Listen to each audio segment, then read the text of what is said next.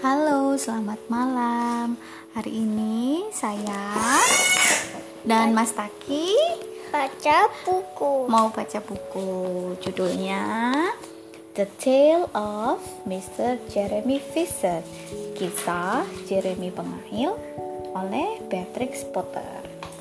Once upon a time, there was a Dulu rock. ada seekor katak bernama Jeremy Pengail.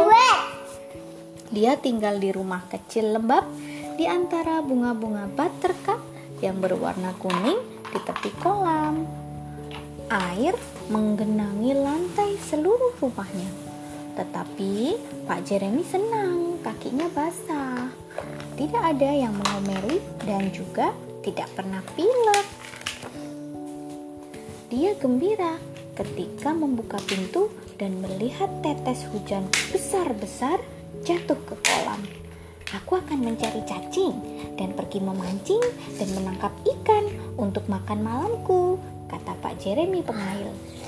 Kalau aku mendapat lebih dari lima ikan, aku akan mengundang sahabat-sahabatku, Pak Elderman, si penyu, dan Sir Isaac Newton, si kadal. Tapi Pak Elderman suka selada. Pak Jeremy memakai jas hujan dan sepasang sepatu karet yang mengkilap. Dia mengambil kail dan keranjangnya dan berangkat dengan lompatan jauh ke tempat perahunya. Perahunya bundar dan hijau, sama seperti daun teratai lainnya. Perahu itu ditambatkan pada tanaman air di tengah kolam. Pak Jeremy mengambil sebatang tongkat ilalang dan mendorong perahunya ke air terbuka. Aku tahu tempat yang banyak ikan minnow-nya, kata Pak Jeremy pengail.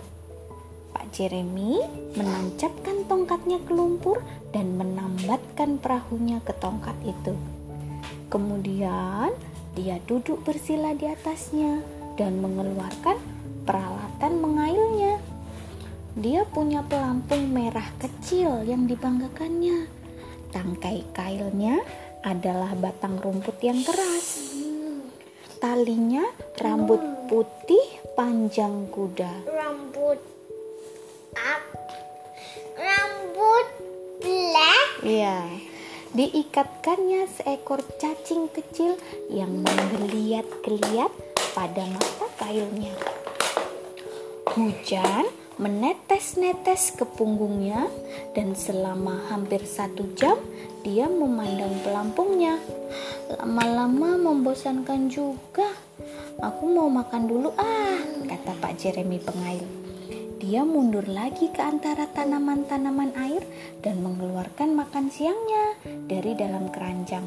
Aku mau makan roti lapis isi kupu-kupu dan menunggu sampai hujan reda, kata Pak Jeremy. Seekor kumbang air besar berenang di bawah daun teratai dan menjepit ujung sepatu karetnya. Pak Jeremy menarik kakinya ke tengah daun di luar jangkauan si kumbang dan meneruskan makan rotinya.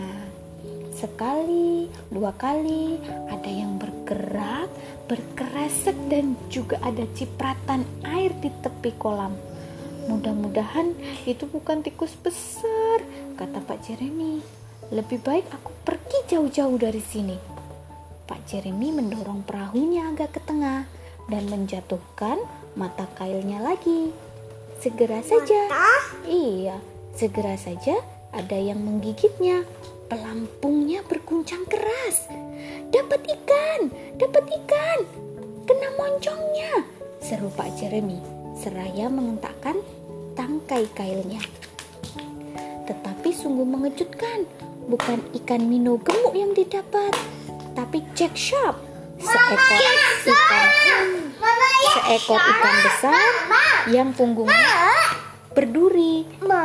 Ikan berduri itu menggelepar-gelepar di atas perahu, menusuk-nusuknya dan ngatup-ngatupkan mulutnya sampai habis hampir kehabisan napas ya. Kemudian dia melompat kembali ke dalam air. Serombongan ikan kecil lain menjulurkan kepala ke permukaan air dan mentertawakan Pak Jeremy pengail. Dan sementara Pak Jeremy duduk putus asa di tepi perahunya. Seraya mengisap-ngisap jarinya yang tertusuk dan memandang ke dalam air. Hal yang jauh lebih buruk terjadi. Hal yang benar-benar mengerikan. Seandainya Pak Jeremy tidak memakai jas hujan. Seekor ikan forel yang luar biasa besar muncul biur dan menyambar Pak Jeremy dengan sekali katupan mulutnya. Au, au, au. Dan kemudian ikan itu berbalik, meluncur menyelam ke dasar kolam.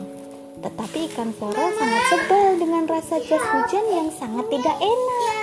Sehingga dalam waktu kurang dari setengah menit, dia meludahkannya dan yang berhasil ditelannya hanya sepatu karet Pak Jeremy. Pak Jeremy menyembul ke permukaan seperti gabus dan busa air soda yang memancar dari dalam botol. Dan dia berenang sekuat tenaga ke tepi kolam. Dia merayap naik ke tepi dan melompat-lompat pulang melewati padang rumput. Jas hujannya robek-robek. Untung saja bukan buaya, kata Pak Jeremy. Apa ini darah? "Eh, iya, aku kehilangan kail dan keranjangku, tapi tidak apa-apa karena aku tidak berani pergi memancing lagi. Dia menempelkan plester pada jarinya yang luka. Kedua temannya datang untuk makan malam, tapi dia tidak bisa menawarkan ikan karena tidak punya makanan lain di tempat penyimpanan makannya. Sir Isaac Newton si kadal memakai rompi yang keemasan bebercak hitam dan Pak Elderman penyu membawa selada dalam keranjang tali. Alih-alih makan ikan, mereka menyantap belalang panggang dengan saus kepik. Bagi kodok itu makanan yang amat lezat. Tapi apa itu enak?